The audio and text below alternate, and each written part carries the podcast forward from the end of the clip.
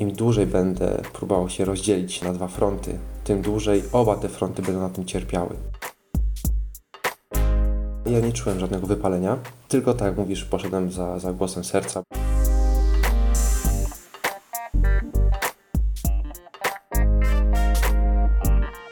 Cześć wszystkim. Z tej strony Krzysztof Miotk, a to jest UX po godzinach.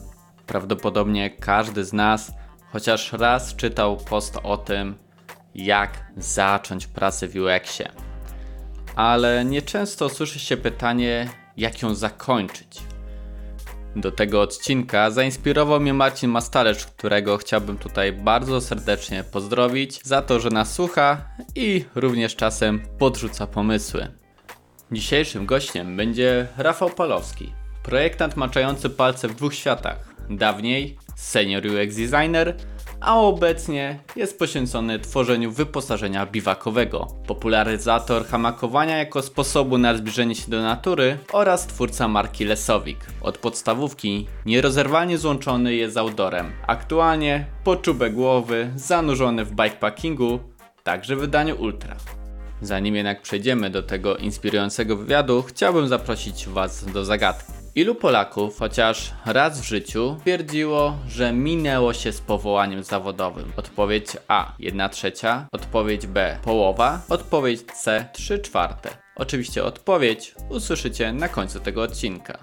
A teraz zapraszam Was do wysłuchania historii Rafała, który przebranżowił się z senior UX designera na twórcę hamaków.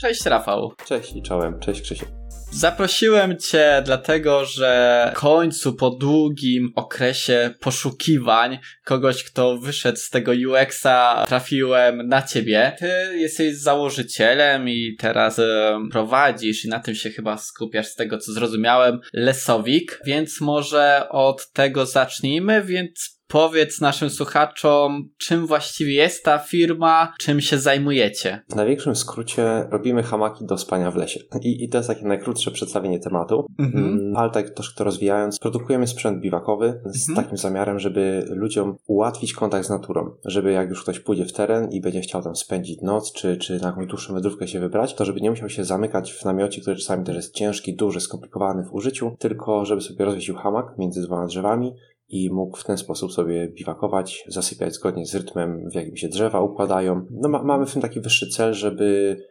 uczulić ludzi, żeby jakoś zwiększyć ich uważność na to, na to jak fajnie po prostu może być w terenie, że nie jesteśmy tam jakimś intruzem, mm. który musi się przed nim bronić, tylko kimś, kto może w tym, w tym terenie po prostu być i się świetnie bawi.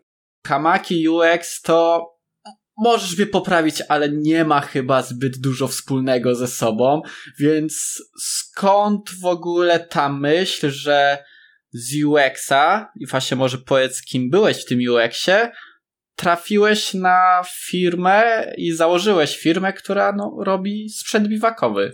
Tak, właśnie z pozoru wydaje się, że to są kompletnie dwa różne światy, e, mhm. zupełnie, zupełnie inne tematy, ale e, przez to, kim byłem i kim w sumie nadal jestem, e, jest mhm. mnóstwo mimo wszystko elementów wspólnych dla mojej pracy wtedy i obecnie.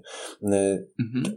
Pracowałem dla firmy Komar jako projektant interfejsów mhm. graficznych mm, i zajmowaliśmy się przede wszystkim interfejsami dla instytucji finansowych. I najczęściej były to mhm. systemy korporacyjne, raczej wewnętrzne. Dwa razy nam się zdarzyło zrobić mm, fronty dla aplikacji faktycznie dla końcowego użytkownika, ale, ale głównie były to interfejsy dla aplikacji wewnętrznych. No i Zajmowałem się tą stroną raczej graficzną, e, raczej tym, żeby to wyglądało ładnie, bo oprócz tego mieliśmy też wspaniały team mm, UX-ów, którzy, którzy dostarczali nam no, po prostu wspaniałego materiału do, do, do obrabiania. I teraz, jak się to łączy z tym, co robię teraz? Aktualnie nadal jestem projektantem, ale projektantem troszeczkę czegoś innego, bo za wszystkie właśnie produkty w naszej firmie to ja odpowiadam, więc y, dalej to jest strona wizualna, wybieram kolory, wybieram materiały, wybieram detale wykończenia, y, ustalam jak niektóre rzeczy mają być szyte, zajmuję się również jakby konstrukcją tych rzeczy i punktem stycznym dla obu, obu tych prac, które pozornie się ze sobą nie łączą, jest tak naprawdę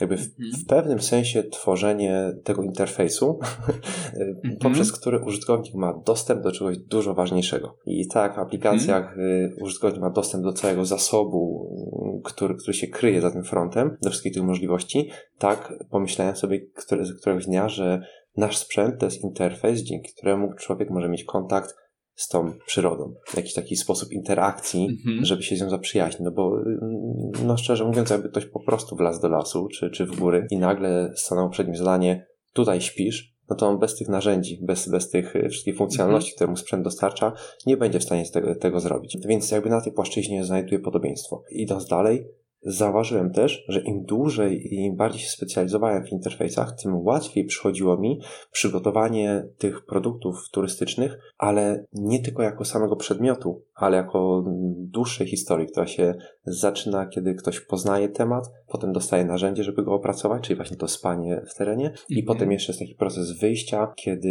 użytkownik po powrocie z biwaku potrafi sobie zintegrować te wszystkie wspomnienia, mhm. więc trochę wkroczyłem właśnie na, na projektowanie tej ścieżki poznania tematu. I pod tym względem mhm. dostrzegam bardzo dużo podobieństw w pracy UX-a sprzętowego i UX-a komputerowego, tak to, tak to powiedzmy. No właśnie, bo zmieniłeś pracę na offline'ową z, z bardzo cyfrowej, z mhm. cyfrowego świata. Właśnie, co kierowało twoim wyborem i kiedy za zacząłeś rzeczywiście tworzyć te, te hamaki, no bo raczej nie było tak, że obudziłeś się pewnego dnia i mówisz, mhm. dobra, walić tą bankowość, będę robił hamaki w lesie. Zakładam, że tak nie było, więc jak to było po kolei? No nie, nie, nie wywróciłem planszy do góry nogami z dnia na dzień, to, to, to prawda. Tak naprawdę przejście na, na swoje to był proces trwający no 6 lat tak naprawdę, bo okay. mniej więcej w podobnym czasie zacząłem się w ogóle zajmować hamakowaniem, mhm. jak zacząłem swoją tą taką prawdzi prawdziwą w cudzysłowie pracę na etat w tym mhm. charakterze. I gdzieś te, te, to hamakowanie było zawsze w tle, jako taki dodatek, raczej w charakterze bardzo zaangażowanego rozwijania pasji i jej doskonalenia, niż takiego pomysłu faktycznie na taki biznes, który kiedyś miałby utrzymać mnie, moją żonę, dom i tak dalej. No ale im dłużej trwało, tym bardziej zauważałem, że to idzie w dobrym kierunku, że to się już siłą własnego takiego rozpędu y, toczy do przodu, więc trzeba było to podsycać, podlewać i któregoś dnia stwierdziłem, że no muszę po prostu wybrać. Mhm. Świetnie się czułem jako, jako projektant. Na, naprawdę to mi sprawiało dużo przyjemności, uwielbiałem tworzyć te systemy, widziałem w nich już tak, tak wiele przyjemnych pewnych zależności, czasami od ręki to szło. Musiałem po prostu wybrać w którymś momencie, bo uświadomiłem sobie, że im dłużej będę próbował się rozdzielić na, na dwa fronty, tym dłużej oba te fronty będą na tym cierpiały, bo żaden nie dostanie ode mnie tak pełnego zaangażowania, na jakie mnie stać. I w związku z tym, że jednak bardziej serce mi biło, kiedy byłem w lesie, niż kiedy siedziałem w biurze, mhm. no to decyzja taka intuicyjna mogła być tylko jedna las. Okej, okay. czyli to w sumie nie było tak, że nie wiem, czułeś wypalenie, czułeś zmęczenie w pracy UX-a, tylko szedłeś tam, gdzie czułeś się lepiej, a nie uciekałeś przed tym, co, co cię męczyło. Zdecydowanie tak. Nawet y, robiłem sobie jakieś takie ćwiczenie wyobraźni, nie? co by się wydarzyło, mm-hmm. albo jak wyglądała ta ścieżka, gdybym tego outdoor nie miał, albo gdyby outdoor był dla mnie po mhm. prostu, gdyby był jego uczestnikiem, a nie twórcą. Czyli Gdybym po prostu chodził na wycieczki, jeździł na rowerze, wędrował po górach, to pewnie dalej z największą przyjemnością bym pracował tak, tak jak pracowałem. Wiesz też, korporacyjna wypłata to jest, to jest świetny, świetny zastrzyk, miesiąc do mm -hmm. miesiąca, przewidywalność no tak. i wszystko. E, z tego się bardzo cieszyłem i wyobraziłem sobie osobę, która bez problemu jest na podobnym stanowisku przez wiele, wiele lat, bo to jest po prostu coś, na czym się zna, coś, co przychodzi z łatwością. Efekty tej pracy są też wspaniałe. Z każdym kolejnym miesiącem, czy kwartałem, półroczem e, dochodzą kolejny, kolejny zasób jakiegoś doświadczenia, którym każdy kolejny projekt zaczyna iść coraz łatwiej. Więc ja, ja nie czułem żadnego wypalenia. Mm, tylko tak jak mówisz, poszedłem za, za głosem serca, bo, bo tam się czułem lepiej i tam też w silniejszy sposób czułem swoją misję, wiesz? Y, to, to też dużą motywacją do, do tego, żeby się faktycznie mm -hmm. w całości poświęcić hamakowaniu było to, że w taki namacalny sposób dostarczasz użytkownikom prawdziwych doświadczeń. Oni faktycznie wracają z tego lasu, wiesz, uśmiechnięci, widzisz te zdjęcia, te relacje, te nagrania y, i dajesz ludziom naprawdę kontakt z tą przyrodą. Y, jednocześnie na poziomie rozpatrywania takiej misji, kiedy pracowałem korporacyjnie, to też miałem poczucie, że wielu osobom naprawdę poprawiam życie, bo wyobrażam sobie pracownika biurowego, który spędzi przy moim systemie 8 godzin dziennie, to naprawdę efekt mojej pracy zmieni jego wydajność. Ta misja też była istotna i miałem mm, jej poczucie, mhm. ale nie była aż tak namacalna. Okej, okay. no dobra, troszeczkę zacząłeś o tym mówić, tak między słowami wyczułem o pewnych, może nawet obawach, bo powiedziałeś to w postaci zalet bycia tym UX-em w korporacji, że mamy konkretny zastrzyk gotówki, przewidywalny zastrzyk gotówki, co no, nie oszukujmy się, jak jesteśmy e, na własnej działalności, we własnej firmy, no niekoniecznie tak wygląda, nie jesteśmy pewni ile tego przychodu, a już zwłaszcza zysku będzie w przyszłym miesiącu. Jakie były obawy, które odczuwałeś, kiedy myślałeś o tym, okej, okay, ja chcę jednak iść w tworzenie tego sprzętu biwakowego? No właśnie brak takiego bardzo wyraźnego poczucia solidnej kotwicy, która jest umocowana. Mm, takiej kotwicy y, metaforycznie chodzi, chodzi mi o to, że, że masz źródło tego, tego mhm. dochodu y, w postaci mhm. naprawdę dużej firmy, która dzięki szerokiemu wachlarzowi usług i, i, i naprawdę bo, dzięki temu, że ma wielu klientów, mhm. zapewnia faktycznie stabilność. Nie? To, to nie jest chorągiewka na wietrze, która się wywróci z powodu mhm. jakiegoś większego bądź mniejszego tąpnięcia. Y, można temu zaufać. Mm, no szczególnie takiemu pracodawcy, jakim, jakim był Komar. Przynajmniej tak to postrzegałem w tamtym czasie. No a obawy o własne są takie, że wkraczasz na nieznany grunt, bo też nie da się do tego tak do końca przygotować. Nawet jeżeli posłuchasz jakichś mentorów, którzy mają swoje mm -hmm. firmy, opowiedzą ci o swoim doświadczeniu, to i tak wchodzisz mm, tak tak odręcznie malowaną mapą w zupełnie nieznany teren. Więc mm -hmm. takie, takie rzucenie się w falę oceanu to, to, to była spora, mm, spora niewiadoma. Przy czym no nie zrobiłem też tego tak na oślep do końca. To znaczy, zanim dokonałem tej zmiany, zanim podjąłem decyzję, mm, mhm. przygotowałem sobie, tak powiem, takie, takie miękkie lądowanie.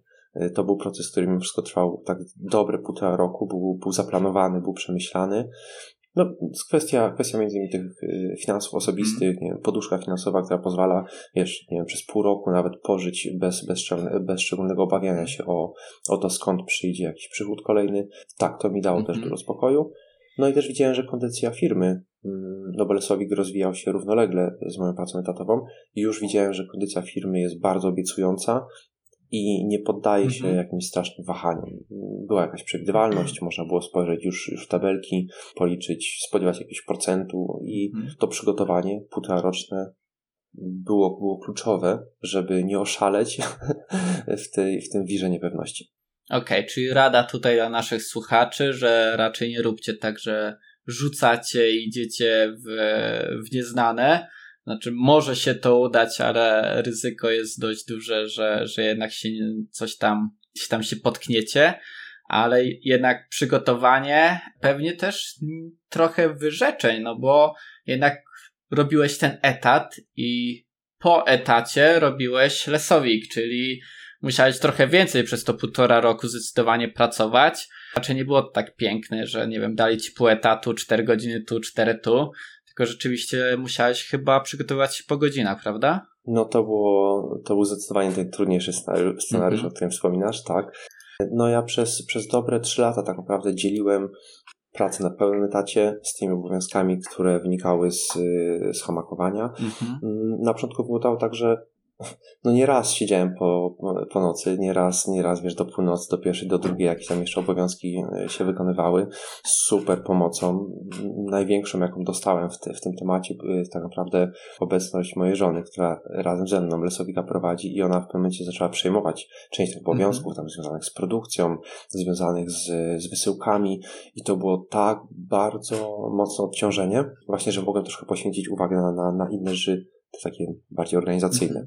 Znaczy, czy, czy można z dnia na dzień rzecz rzucić i mm -hmm. pójść w innym kierunku? Można, znam takie przypadki, ale jednocześnie podziwiam tych ludzi za, za, za tą odporność psychiczną, którą mają, bo mm -hmm. no ja sobie pozwolałem to ułożyć troszkę, troszkę bezpieczniej, no bo może gdybym jeszcze był zupełnie sam, mm -hmm. gdyby, gdyby nic nie zależało od tego, co się stanie za chwilkę, to, to może nie byłbym aż tak bardzo do tematu przywiązany, ale wiesz, to już było mhm. parę lat y, budowania doświadczenia, rozpoznawalności tej marki. To byli już mhm. klienci, którzy nam ufają, którzy mm, w pewnym sensie spodziewają się po nas, że będziemy jednak wciąż dla nich mhm. wsparciem na różnym poziomie. no i byliśmy we dwójkę, więc nie można było dać plamy, bo nawet nie próbuję myśleć o tym, jakie, wiesz, dłu, takie długofalowe konsekwencje by to, mm, czy długofalowe skutki by to spowodowało na chociażby samopoczucie. Wiesz, wyobraź sobie, że, że masz projekt życia, i, i to jest, wkładasz w to całe mhm. serce przez parę lat i nagle robisz mhm. jeden nieostrożny ruch albo dwa nieostrożne ruchy, albo niech się zbiegną jakieś mhm. niesprzyjające y, okoliczności i to się wszystko wysypuje nie? i nagle widzisz jak, jak ten, ten, ten zamek się rozpada. To by mhm. było to było strasznym ciosem, więc wolałem nawet nie ryzykować wejścia mhm. na ten ring, na którym ten cios mógłby paść.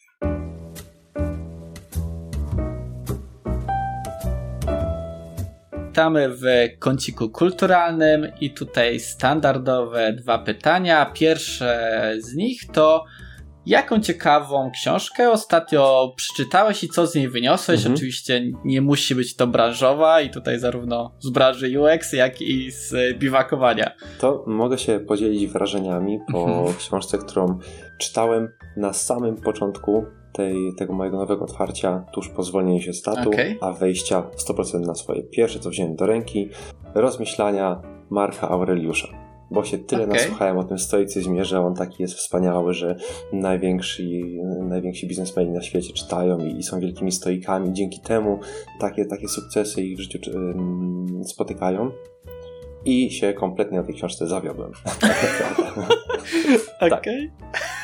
W sensie można Można przyjąć dużo treści, o, o, o których Aurel już tam wspomina, ale przez naprawdę grube sito, przede wszystkim mając w głowie to, że minęło okropnie dużo czasu i okropnie duży postęp w psychologii e, nastąpił między czasem, kiedy tamte myśli były spisywane, a kiedy mhm. żyjemy my. Także przez grube sito trzeba te wszystkie rady brać. Przede wszystkim nie da się w pełni kontrolować tego, co będziemy myśleć, jak będziemy na coś reagować, jak się będziemy odnosić do spraw.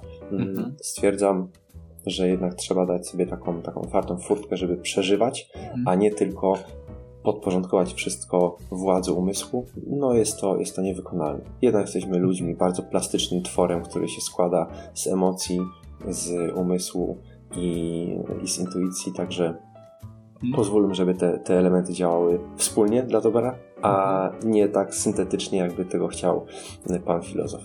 Okej, okay, okej, okay, dobra, to pierwszy raz mamy kogoś, kto odpowiedział, czego nie poleca. A czy masz jakąś książkę, którą byś jednak polecił, albo nie wiem, żeby ułożyć sobie w głowie te priorytety, albo jakoś zmotywować do tego, żeby rzucić ten pewny hajs i podążyć za tym sercem, tak jak ty? Jakiś materiał przychodzi tobie do głowy?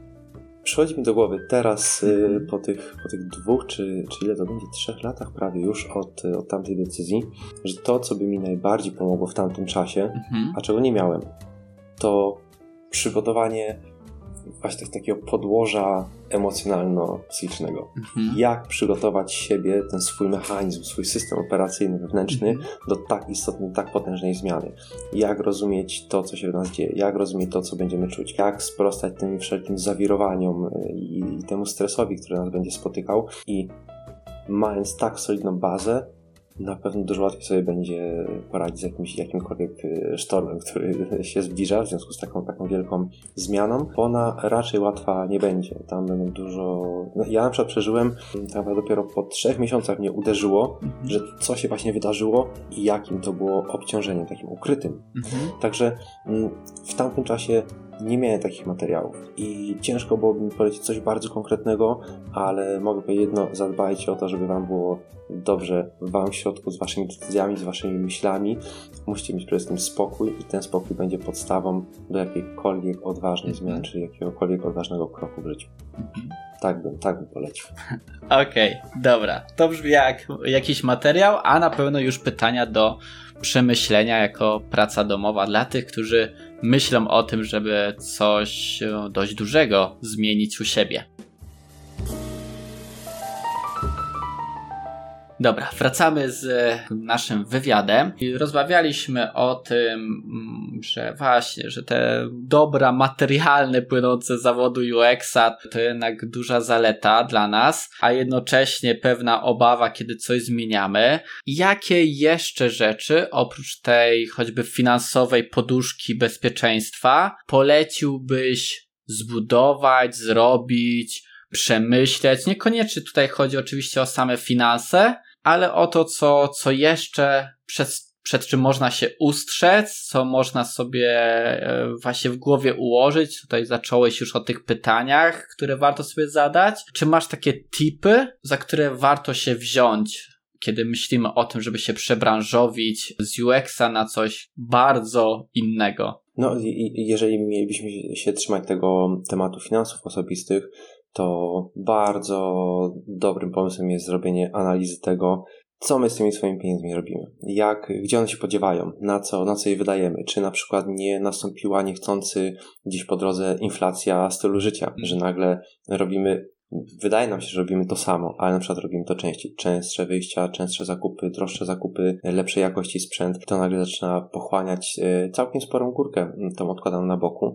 I gdy zdarzy się, że struktura przychodów się mocno, wyraźnie zmieni, to mając zrobioną taką analizę, będzie nam dużo łatwiej dowiedzieć się, które elementy mogą zostać na chwileczkę wstrzymane e, z mhm. realizacji, czego może wcale nie potrzebujemy, a może zdążyliśmy nałożyć na, na, na siebie kilka zachowań takich konsumenckich, które może wcale nie są do końca potrzebne, więc analiza, sprawdzenie, gdzie jesteśmy, no bo bez rozpoznania zasobów i bez rozpoznania, tak jak tej planszy, na której stoimy, mhm. ciężko przemyśleć jakikolwiek ruch. Także taka byłaby moja rada. Mówiłeś o tym, że wspierała cię żona, że przyjmowała część, e, część obowiązków w firmie. Mhm. Dzięki temu ty też mogłeś się skupić na konkretnych elementach. Na ile uważasz, że to jest ważne, żeby mieć to wsparcie i jak przewidujesz, co by było, gdybyś nie miał tego wsparcia, nie wiem, byłbyś singlem? Jak byś sobie wtedy próbował z tym poradzić?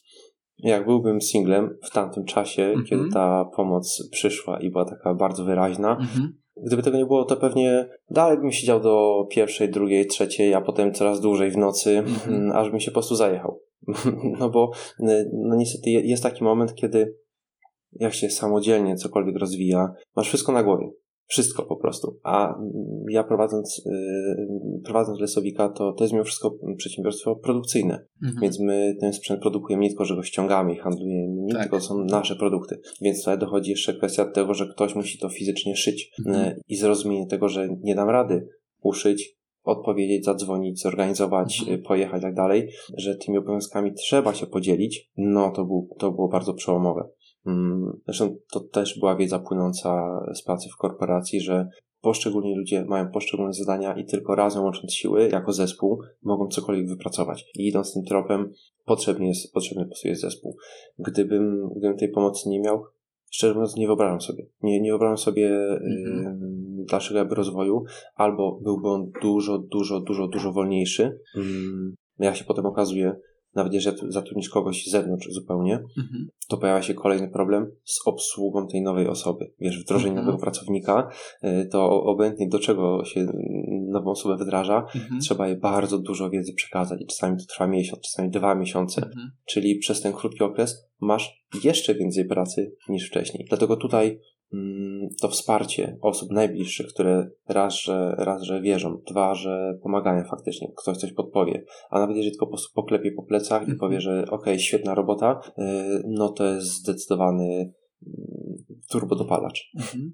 Ci właśnie przyjaciele i osoby wspierające tą ideę. Bo wiesz też, dzięki temu czuć, że to nie jest tylko coś, co sobie po prostu wymyśliłeś, nie? I, I, nagle w sumie nie ma żadnego feedbacku, bo nie wiesz, czy to jest naprawdę fajne, czy to nie jest fajne. Mhm. Mm, jakby wynik sprzedażowy to nie do końca jeszcze jest taki faktyczny ten, ten zwrot informacji. Jeżeli wzrastasz w tej atmosferze wsparcia osób bliskich, a mhm. potem dalszych, a potem osób, które może nawet nie znasz osobiście, ale one wciąż cię wspierają i wierzą w to, co robisz, no to idziesz z podniesioną głową do przodu, mhm. bo wiesz, że warto, bo wiesz, że komuś to się przydaje. Nie? I, i, i to, co wspominałem na początku wywiadu, że do, dostajesz taki żywy, taki bardzo plastyczny dowód tego, że Twoja robota jest coś e, warta, bo ludzie dzięki niej czują się dobrze mhm. i oni potem zaczynają o tym mówić. To jest cudowne uczucie. Tutaj podpisuję się po tym. Po pierwsze, podkreślę to, co, co powiedział Rafał, że osoby bliskie to nie musi być żona, mąż, mogą być to przyjaciele i to jest raz, dwa, żeby otrzymać to wsparcie, to pamiętajcie, że musicie o tym mówić, czyli nie żyjcie tymi marzeniami dla siebie, ale poddajcie tę opinii, co, co myślą o tym znajomi i zobaczcie reakcję. I właśnie tutaj się podpisuję, bo, bo też gdzieś tutaj pewne, pewne zmiany mnie czekają i zacząłem o tym opowiadać właśnie przyjaciołom i to rzeczywiście jest budujące, jak na początku czujesz się z tymi myślami sam, zaczynasz mówić znajomym, oni, kurczę, w końcu, brawo, jakby trzymam kciuki i takie tak. nawet pojedyncze zdania sprawiają, że myślisz, kurczę, jednak nie jestem w tym sam, nawet, nawet jeżeli ja będę musiał ogarnąć, nie wiem, aspekty prawne, księgowe i tak dalej w danej rzeczy, to psychicznie czujesz, że jesteś już jakby w jakimś zespole, że niż, niż mhm. że masz orać samemu to pole i po prostu żyć dla siebie tylko. A, więc tak, więc pamiętajcie o tym, żeby się chwalić, choćby swoim przyjaciołom, nie bez powodu są waszymi przyjaciółmi, raczej, raczej was nie wyśmieją, ewentualnie tak. krytycznie ocenią i, i dadzą wam feedback i nowe myśli do zastanowienia. Tak, właśnie, właśnie mogę, mogę tutaj e, taką anegdotkę przytoczyć, że miałem taką, taką bardzo znaczącą rozmowę e, z bardzo bliską mi mhm. osobą. Przedstawiłem wszystkie te, tak, tak uogólnione moje mhm. wątpliwości. Co to się nie będzie działo, jak, jaka po prostu zaraz mnie czeka tragedia. A Marcin na to z takim stoickim, stoickim spokojem. E, proste. Ale czego, czego tak naprawdę ty się boisz? czego tak naprawdę ty się obawiasz? I, i to, to było troszeczkę jak ta metoda y, gumowej kaczuszki, nie? że zaczynasz opowiadać. Tak. W momencie, kiedy wypowiadasz te słowa, one zaczynają brzmieć inaczej niż twoje mm kłębiące się myśli, i przez sam fakt wypowiedzenia, być może już wtedy zrozumiesz, że Hmm, zaraz. To, to wcale nie brzmi aż tak strasznie, albo wcale to nie jest aż tak, tak duży problem. I właśnie w tej rozmowie z Marcinem, gdzie on nie dawał żadnych rad, nie dawał e, żadnych nie wskazówek, tylko po prostu dawał kolejne pytania. Ja sam sobie mhm. odpowiadając mm -hmm. na nie, budowałem ten, e, to, to w głowie przekonanie, że chwila, to w zasadzie to są drobnostki, mm -hmm. nie, które po prostu można przejść. Także Marcin, pośpiech, Stokrotnie dzięki. tak, po, pozdrawiamy Marcina. Rzeczywiście czasami e, mądrze zadane pytanie jest warte więcej niż 100 odpowiedzi, więc korzystajmy z tego. Okej, okay, więc myślę, że zadam ci dość chyba trudne pytanie z twojej perspektywy, bo ty nie byłeś tą osobą wypaloną, co niestety, ale z obserwacji widzę, że coraz więcej osób w naszej branży niestety tego doświadcza. Mhm. Jakie objawy lub myśli według ciebie mówią, że rzeczywiście jest czas coś zmienić, że to nie jest jakiś chwilowy etap, ale byś gruntownie zastanowił się nad zmianą branży, zmianą stanowiska pracy? No ja sobie przypominam takie momenty, które zawsze zwiastowały jakąś potrzebę dużej zmiany. Okay.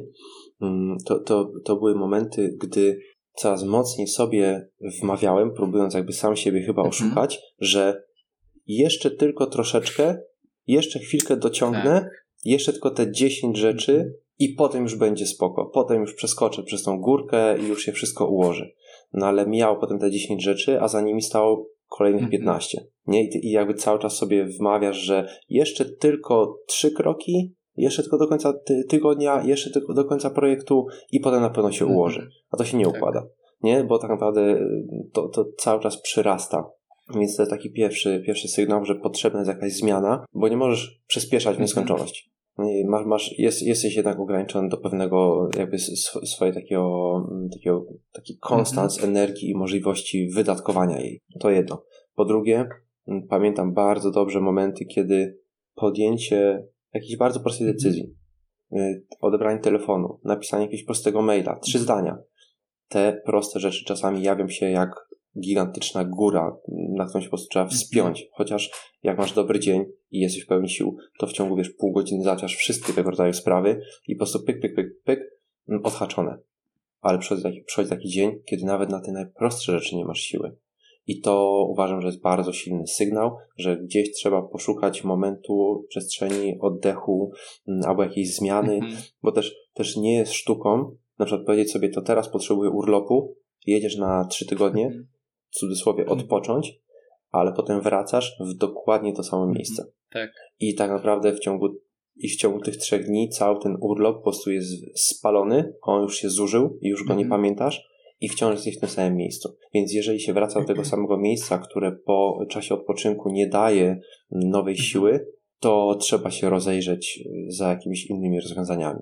No i wiadomo, że są momenty, kiedy trzeba te, zrobić te sprinty, prawda? Trzeba się zebrać do kupy, docisnąć coś, dowieść jakiś wózeczek mm, do, do samego końca. Aktualnie na przykład mam takie momenty, kiedy się zbliżają targi mhm. turystyczne no to miesiąc gonitwy, potem jedziesz i potem jest wielki showtime, cztery dni jesteś na tym stoisku i to jest duże obciążenie, ale to się potem kończy i wiesz, że to się wydarza raz, dwa razy w roku. Ale gdyby taka sytuacja była ciągłym, ciągłym stanem, no, no to, to po prostu potrzebujesz nowych osób, albo zmiany, albo mhm. odpuszczenia, albo w ogóle odejścia od tematu. Nasunęło mi się jeszcze jedno pytanie tutaj na bazie też historii mojego kolegi, który akurat pracował w marketingu mhm. i okazało się, że się zwolnił, ja o tym nie wiedziałem i się dowiedziałem dzwoniąc do niego, bo, bo dostawałam właśnie zwrotkę maila i mówię, że, że co tam się wydarzyło, co, co tam się dzieje. A on mówi, że słuchaj, no ja zmieniłem branżę. On mówi, że o, no to spoko, co robisz? No i on takim głosem, no wiesz, tam, no tam, zupełnie coś innego. Mówię, no dobra, no ale co robisz?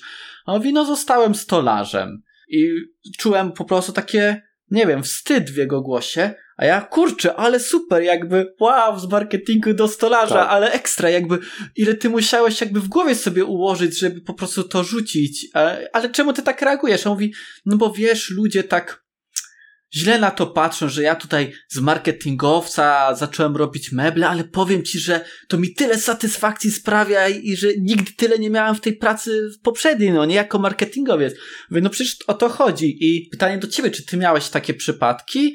No bo byłeś, jeżeli się nie mylę, senior UX-em, przeszedłeś na robienie hamaków, czy zdarzyła ci się taka sytuacja, że ktoś negatywnie na to spojrzał, że, że kurczę, z takiej poważanej korpo przyszedłeś do lasu, jakby Zdarzyło ci się coś takiego? Ci, którzy, ci, którzy mogliby mi przekazać taką mhm. opinię, e, no, no to oni wszyscy już od lat wiedzieli, gdzie ja siedzę, nie? Gdzie, gdzie jest moje serce, gdzie mhm. jest moja głowa, e, bo to też, ja sobie też hałaków też tak, tak nie wymyśliłem po prostu o znikąd, że wylosowałem sobie no, nowy temat, tylko ja z outdoorem jestem związany od nie, 12 mhm. roku życia, stale, ciągle i coraz mocniej, coraz mocniej. Także każdy się spodziewał, że to któregoś dnia po prostu musi nastąpić, że w tym kierunku pójdę, więc od y, tych najbliższych takich dziwnych spojrzeń, czy jakichś takich mieszanych wrażeń nie okay. słyszałem.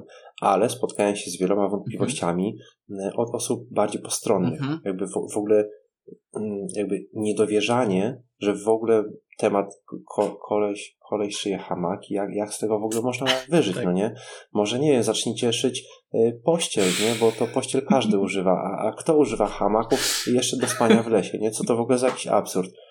Zasłony byście sobie poszyli lepiej, przecież też materiał, też maszyna. No, a, więc faktycznie te, takie wątpliwości były. A potem zdarzyły się inne, mnóstwo, mnóstwo różnych innych tam tych negatywnych sygnałów, ale to wiesz, zazwyczaj tak bywa, że zaczynasz coś robić, no to jeżeli znajdujesz zwolenników, to znajdujesz też przeciwników mhm. z różnych powodów. Już, już ich nie dociekam, od dawna już ich nie dociekam, nie, nie interesuje mnie, mhm. dlaczego ktoś w ten czy inny sposób napisze. No i trzeba się z tym mierzyć. No ale wiesz, koniec końców to, to dbamy o swoje życie, a nie Dokładnie. o cudze. No i jeżeli ktoś zaczyna na nas łypać okiem, bo mu się nie podoba to, że się przebranżowiliśmy, no to albo nie rozumie do końca idei wolności, albo za bardzo się interesuje sprawami na zewnątrz.